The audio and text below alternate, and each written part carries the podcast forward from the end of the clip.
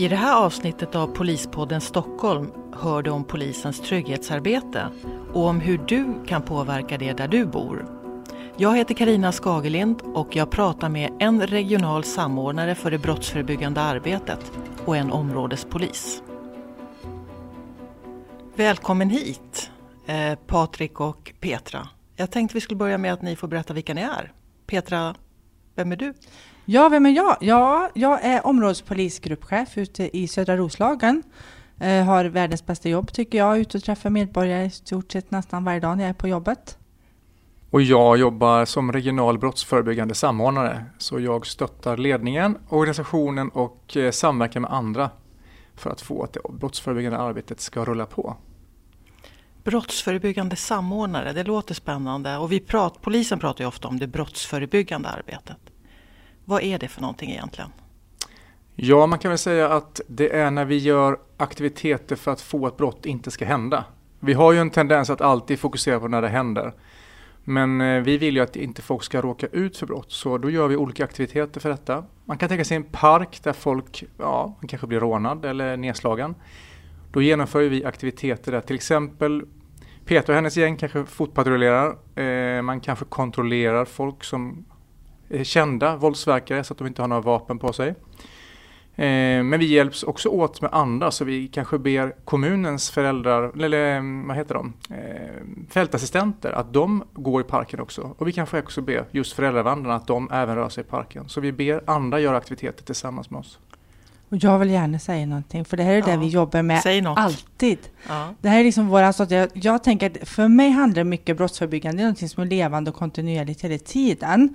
Och det är för oss att vara ute, alltid när vi åker ut, så är det det som är vårt huvuduppdrag som områdespolis. Och för mig handlar det, jag brukar använda ett amerikanskt ord, awareness, så skapa det hos alla medborgare.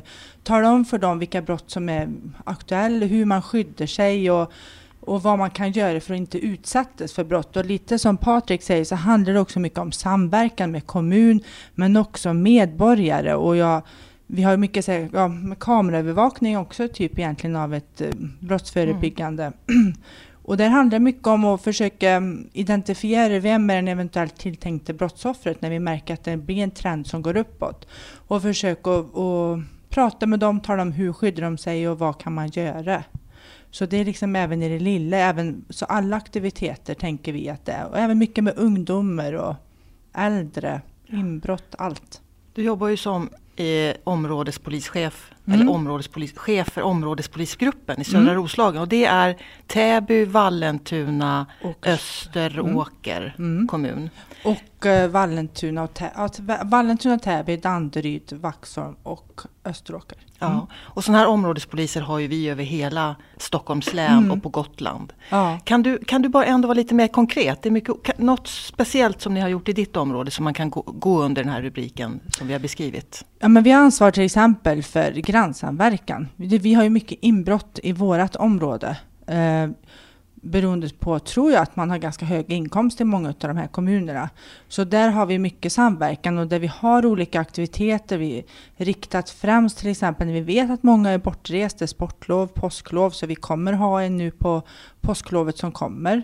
Och då har vi även grannstödsbilar, heter det. Det är kommunerna som faktiskt har valt att eh, betala för en bil där ideella oftast äldre personer sitter och åker runt i de här områdena som det begås flest inbrott och så pratar vi med dem som bor där och berättar för dem vad som händer, hur de kan skydda sig, vad de ska hålla utkik efter och när de ska prata med oss och berätta för oss vad de ser. För vi behöver ju dem. Vi behöver verkligen ha en bra kontinuerlig liksom, kontakt med medborgare för de känner ju sitt område bäst. Så det är mm. det som är vårt uppdrag, att de ska känna igen oss, vi ska känna igen dem. Och så ska vi prata med varandra, för annars är det jättesvårt att förebygga brott om inte vi vet hur de heller ja, upplever sitt område. Patrik, i ditt jobb då, hur plockar du upp det här? Hur kan man om man bor i Huddinge eller Kista eller Järfälla eller var som helst i länet eller på Gotland påverka vad polisen jobbar med? Ja, men vi har ju flera olika sätt att få in inputs från folk. Då. Det ena är till exempel när Peter och hennes gäng har medborgardialoger, alltså man bjuder in folk till en plats eller kanske till ett digitalt mm. event. Nu det är populärt nu när alla är, riskerar att bli smittade av den här mm. pandemin. Eh, det kommer säkert fortsätta framöver också för det är ganska enkelt. Man behöver inte knalla iväg någonstans. Det andra är, och det tror jag är jättebra, att man går fram och pratar med poliserna eh, när man är ute och patrullerar. Så att man kommer fram och berättar vad man upplever och vad man har för förslag. Men eh, det finns fler alternativ. Man kan ringa till oss på polisens kontaktcenter och man kan även komma in på polisstationerna. Så det finns flera alternativ att ha kontakt med oss. Vi vill jättegärna prata med folk när vi är ute. Så får man inte glömma att eh, nästan alla, loka- alla kommuner så finns det ju ett eh, sociala mediekonto från polisen och där har vi också mycket dialog. Så det kan man ju söka upp. Ja, gärna dialog med oss på den också. Det tycker vi är kul. Ja. Och jag vill slå ett slag för Tipsa polisen. punkt- Alltså man går in på polisens hemsida, Tipsa polisen. För där kan man skriva till oss 24 timmar om dygnet och då går det till, den, till det område där man själv bor. Dit kommer det här tipset. Och då vill man då skriva namn och telefonnummer så hör vi jättegärna av oss. Så har vi jobbat många gånger där de har upplevt problem i ett område. Och då har vi gjort som en liten trygghetsvandring eller vi åker dit och träffar dem som hör av sig. Vi tittar på hur det ser ut så att vi skapar oss en uppfattning och de kan visa. Och så kan vi då göra våran del och se ibland är det kanske kommunen eller fastighetsägaren som behöver göra sitt och då skriver vi till dem. Ja. Så att det liksom blir en samverkan. Så vi behöver att de hör av sig så vi vet. Så det är lite olika gång- eh, vägar in. För är det pågående brott och akut, då är det ju 112. Absolut. Men annars i de här längre ärendena, Mm. då är det ju det du säger, tipsa polisen, Ja. 114 14. Mm. Men nu har vi ju tjatat lite om att i våra medier, eller i våra olika kanaler, att vi har skickat ut en trygghetsundersökning. Vad är det och varför? Ja, vi har två skäl till varför vi skickar ut den där. Det ena är att vi vill ju höra lite hur folk upplever sin trygghet i olika slags miljöer och situationer. Det andra är att vi faktiskt också vill ha ett litet kvitto på hur det har gått för oss i vårt eh, arbete under året som varit då. Så genom att jämföra hur folk upplevde föregående år och hur de är i år. Plus att vi ställer faktiskt en fråga till eh, de som får enkäten. Upplever du att vi bryr oss om problemen i just ditt område? Och då tänker jag att det kommer man nog inte svara så bra på om inte så att vi har koll på problemen i området, att vi gör något bra åt dem och att vi, som ni är inne på, kommunicerar till människorna om vad vi gör. Så liksom det är anledningen till varför vi skickar ut enkäten. Och man behöver inte vara jättenervös när det ligger ett kuvert från oss i hallen för det är en enkätundersökning. Så öppna gärna och ta tid på det att fylla i den där så är vi jätteglada. Ungefär 84 000 får den här möjligheten då, som vi ser det. Då sa ju du också att vi har gjort det här tidigare, det är andra året. Vad gör vi med svaren? Har det gjort någon skillnad för de som nu eh, la ner tid och svarade förra året? Ja, först så eh, går Linnéuniversitetet och eh, de regionala och brottsförebyggande samordnarna, vi går igenom det där och analyserar tillsammans resultatet och sen låter vi alla polisstationerna i regionen och på Gotland tillsammans med inbjudna från kommunen, alltså det är trygghetssamordnarna där, så tillsammans sitter man och går igenom resultaten. Och då tittar man på hur ser det ut i just vårt område, i våra kvarter. Vad ska vi göra för att förbättra den där siffran som kanske ser dålig ut och den där ser ju jättebra ut. Hur kan vi förstärka den? Så man använder den både regionalt men framför allt lokalt. Och vi får hjälp av andra som hjälper oss att tolka det. Så vi liksom tar verkligen noga hand om resultaten. Petra Kugg frågar, hur har ni jobbat med förra årets resultat då? Ja, nej, men det, det är faktiskt kommunpoliser också som är de lite mer strategiska och de tittar på dem och så kommer de ut med det och det, det, det de flesta vill ha det är att se oss på gator och torg. Det tror jag känns är det som alla tycker är det mest trygga och att vi är tillgängliga för dem. Eh, så det är det som i alla fall våran grupp har som ledstjärna, att vi ska ut och möta våra medborgare och försöker möta upp dem på olika platser. Pandemin har ju varit lite speciell också för oss. Men där har vi ändå valt att fortsätta att dra igång medborgarmöten på nya sätt i våra fem kommuner för att vara tillgängliga.